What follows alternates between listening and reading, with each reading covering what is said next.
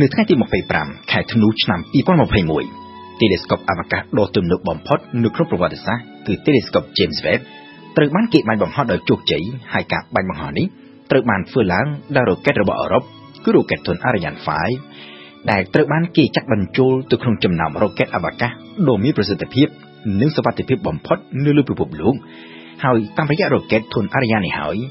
ដែលអឺរ៉ុបអាចគ្រប់គ្រងទីផ្សារផ្ដល់សេវាកម្មបាញ់បង្ហោះផ្កាយរណបបានច្រើនជាងគេបំផុតនៅលើពិភពលោកក្នុងរយៈពេលជាច្រើនឆ្នាំ ដែលបានប្រជែងឈ្នះសូម្បីតែមហាអំណាចអវកាសគឺសហរដ្ឋអាមេរិក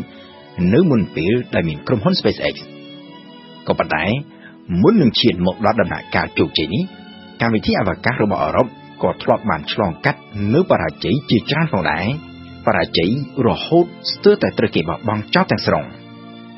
នៅក្នុងអំឡុងទសវត្សរ៍ឆ្នាំ1960នៅក្នុងពេលដែលវិស័យអវកាសរបស់សហរដ្ឋអាមេរិកនិងសហភាពសូវៀតកំពុងតែបោះជំហានទៅមុខយ៉ាងលឿននៅក្នុងបរិបទនៃការប្រជែងអវកាសនៅក្នុងសង្គ្រាមត្រជាក់នៅអឺរ៉ុបឯណោះវិញវិស័យអវកាសត្រូវជាប់គាំងទៅមុខមិនរួចដោយការព្យាយាមបង្កើតកម្មវិធីអវកាសរួមគ្នាក្នុងក្របខ័ណ្ឌអឺរ៉ុបជាពិសេសគម្រោងផលិតរ៉ុកកែតអវកាសធុន Europa ត្រូវទទួលបរាជ័យ ស្ថិតនៅក្នុងស្ថានភាពជាប់គាំងក្នុងកិច្ចសហប្រតិបត្តិការក្នុងក្របខ័ណ្ឌអឺរ៉ុបនេះបារាំងតាមរយៈមជ្ឈមណ្ឌលអវកាសដែលហៅជាភាសាបារាំងថា Centre National d'Études Spatiales ហៅកាត់ថា CNES ក៏បានផលិតរ៉ុកកែតអវកាសផ្ទាល់ខ្លួនឯងគឺរ៉ុកកែតធុន Diamond ដែលត្រូវបានបាញ់បង្ហោះដោយជោគជ័យជាលើកទី1នៅឆ្នាំ1965តាមរយៈជោគជ័យនេះបារាំងក៏បានក្លាយទៅជាប្រទេសមហាអំណាចអវកាសទី3បន្ទាប់ពីអាមេរិកនិងសូវៀតក៏ប៉ុន្តែរ៉ុកែតធុន Diamond នេះ ក៏នៅតែមិនអាចជួយឲ្យបារាំងនិងអឺរ៉ុបមានឯករាជ្យនៅក្នុងវិស័យអវកាសបាននោះដែរដោយសារតែវាគឺជាប្រភេទរ៉ុកែតធុនតូចអាចផ្ទុកទម្ងន់បានត្រឹមប្រមាណជា200គីឡូក្រាមតែប៉ុណ្ណោះទៅគន្លងតារាវត្ថិទៀតដែលជាហេតុធ្វើឲ្យការបាញ់បង្ហោះផ្កាយរណបជាច្រើនរបស់អឺរ៉ុបត្រូវការពឹងផ្អែកទៅលើរ៉ុកែតរបស់អាមេរិកហើយដូច្នេះហើយបានជាបារាំងនៅតែបន្តព្យាយាមជំរុញឲ្យមានកិច្ចសហប្រតិបត្តិការនៅក្នុងក្របខ័ណ្ឌអឺរ៉ុប ដើម្បីឈានទៅផលិតរ៉ុកែតធុនធ្ងន់ផ្ទាល់ខ្លួនឯងដោយមិនចាំបាច់ពឹងលើអ្នកដទៃគម្រោងអវកាសអឺរ៉ុបដែលបារាំងចង់ធ្វើដែលមានប្រទេស3ជាចំហគឺអង់គ្លេសបារាំងនិងអាល្លឺម៉ង់ក៏ប៉ុន្តែនៅពេលនោះ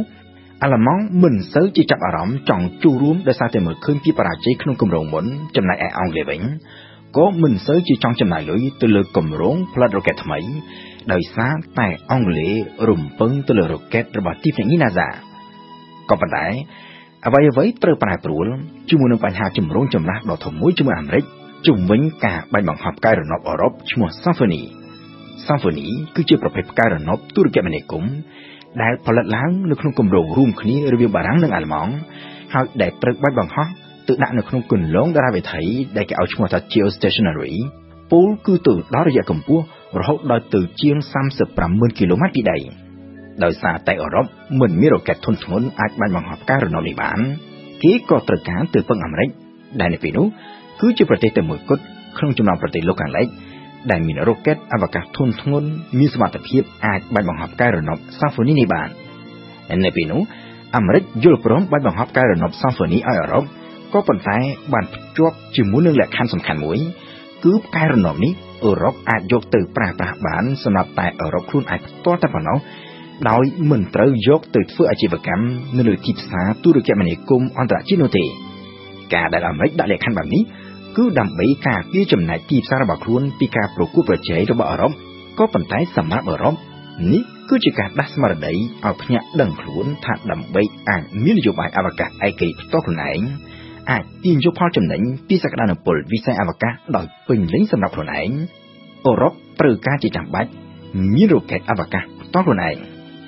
នៅទីបំផុតទៅនៅឆ្នាំ1973បារាំងក៏បានទទួលជោគជ័យក្នុងការបញ្ចុះបញ្ចូលអាល្លឺម៉ង់និងអង់គ្លេសព្រមទាំងប្រទេសមួយចំនួនផ្សេងទៀតនៅអឺរ៉ុបឲ្យចូលរួមបង្កើតកម្មវិធីអវកាសរួមគ្នាហើយគម្រោងអភិវឌ្ឍរ៉ុកែតធុនអារយ៉ានក៏បានចាប់កំណើតឡើងដោយមានបារាំងជាអ្នកចេញមុខរ៉ាប់រងការចំណាយច្រើនជាងគេការគ្រប់គ្រងគម្រោងផ្លារ៉ុកែតអារយ៉ានក៏ត្រូវបានប្រគល់ទៅឲ្យមជ្ឈមណ្ឌលអវកាសបារាំង ហើយទីតាំងបាញ់បង្ហោះរ៉ុកែតនេះទៀតសោតក៏ស្ថិតនៅក្នុងទឹកដីបារាំងគឺមជ្ឈមណ្ឌលអវកាសគូរូនៅខេត្តហ្គីយ៉ានដែលជាដែនដីនីសមុទ្ររបស់បារាំងរ៉ុកេត Ariane លើកដំបូងបង្អស់គឺ Ariane 1ត្រូវបានគេផលិតនិងបាញ់បង្ហោះប្រកបដោយជោគជ័យជាលើកទី1នៅថ្ងៃទី24ខែធ្នូឆ្នាំ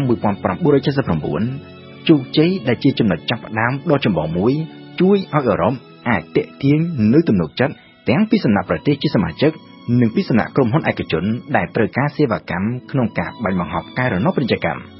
ចាប់ពីពេលនោះហើយដែលទីភ្នាក់ងារអវកាសអឺរ៉ុបចាប់ផ្ដើមរកធនធានបានកាន់តែច្រើនក្នុងការអភិវឌ្ឍគម្រោងនិងបច្ចេកវិទ្យារ៉ុកេតអវកាសរបស់ខ្លួន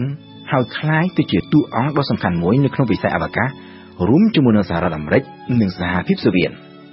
គិតជាសរុបទៅនៅក្នុងរយៈពេលជាង40ឆ្នាំកន្លងទៅនេះរ៉ុកេតអារីយ៉ានធ្លាប់ត្រូវបានអភិវឌ្ឍចេញជា5ចំនួនរួចមកហើយ ដោយពីមួយចំនួនទៅមួយចំនួនត្រូវបំពាក់ទៅដោយបច្ចេកវិទ្យាកាន់តែទំនើបឡើងទំនើបឡើងគឺតាំងពី Ariane 1រហូតមកដល់ Ariane 5 Ariane 5ដែលត្រូវបានផលិតនិងបាច់បង្ហោះសាកល្បងជាលើដំបូងកាលពីឆ្នាំ1996ហើយកំពុងបន្តដំណើរការរហូតមកទល់នឹងពេលបច្ចុប្បន្ននេះ Ariane 5គឺជាប្រភេទ rocket អវកាសធុនធ្ងន់ពលគឺស្ថិតនៅក្នុងប្រភេទជាមួយគ្នានឹង rocket Falcon 9របស់ក្រុមហ៊ុន SpaceX និង rocket ធុន Long March របស់ប្រទេសចិនមានប្រវែងសរុប53ម៉ែត្រ Ariane 5គឺជាប្រភេទ rocket ដែលមានពីរកំណាត់ដោយកំណាត់ទី1ប្រើម៉ូទ័រតែមួយគ្រឿងគឺម៉ូទ័រធុនវុលកាំងប្រើឥន្ធនៈរាវប្រភេទ Hydrolox ពោលគឺអ៊ីដ្រូសែននិងអុកស៊ីហ្សែនរាវដោយនៅអមសងខាងកំណាត់ទី1នេះមាន booster ចំនួន2ប្រើឥន្ធនៈរឹងចំណែកនៅកំណាត់ទី2ឯណោះវិញប្រើម៉ូទ័រតែមួយគ្រឿងគឺម៉ូទ័រធុន HN7 Ariane 5 មានសមត្ថភាពផ្ទុកទម្ងន់បានជាង20តោនទៅកាន់គន្លងតារាវិថីទាបឬហៅតាមភាសាអង់គ្លេសថា low earth orbit គឺគន្លងតារាវិថីនៅក្នុងចន្លោះពី160គីឡូម៉ែត្រទៅ1000គីឡូម៉ែត្រពីដីនិងអាចផ្ទុកបានជាង10តោនសម្រាប់គន្លងតារាវិថីដែលស្ថិតនៅរយៈកម្ពស់ជាង350,000គីឡូម៉ែត្រពីដីគិតចាប់តាំងពីឆ្នាំ1996មក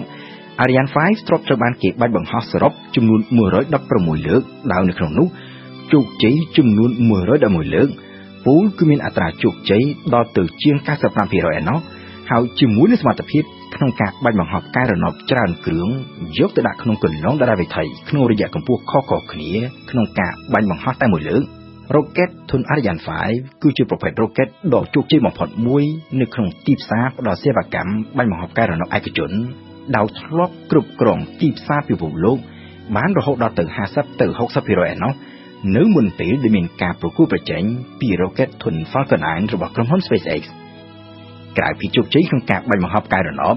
Ariane 5ក៏បានទទួលជោគជ័យក្នុងបេសកកម្មអវកាសធំធំជាច្រើនផងដែររួមមានទាំងការបាញ់បង្ហោះ Telescope អវកាស James Webb កាលពីឆ្នាំ2021ក៏ដូចជាការបាញ់បង្ហោះយាន Rosetta កាលពីឆ្នាំ2004កន្លងទៅដើម្បីទៅចុះចតលើផ្កាយដុកកន្ទុយ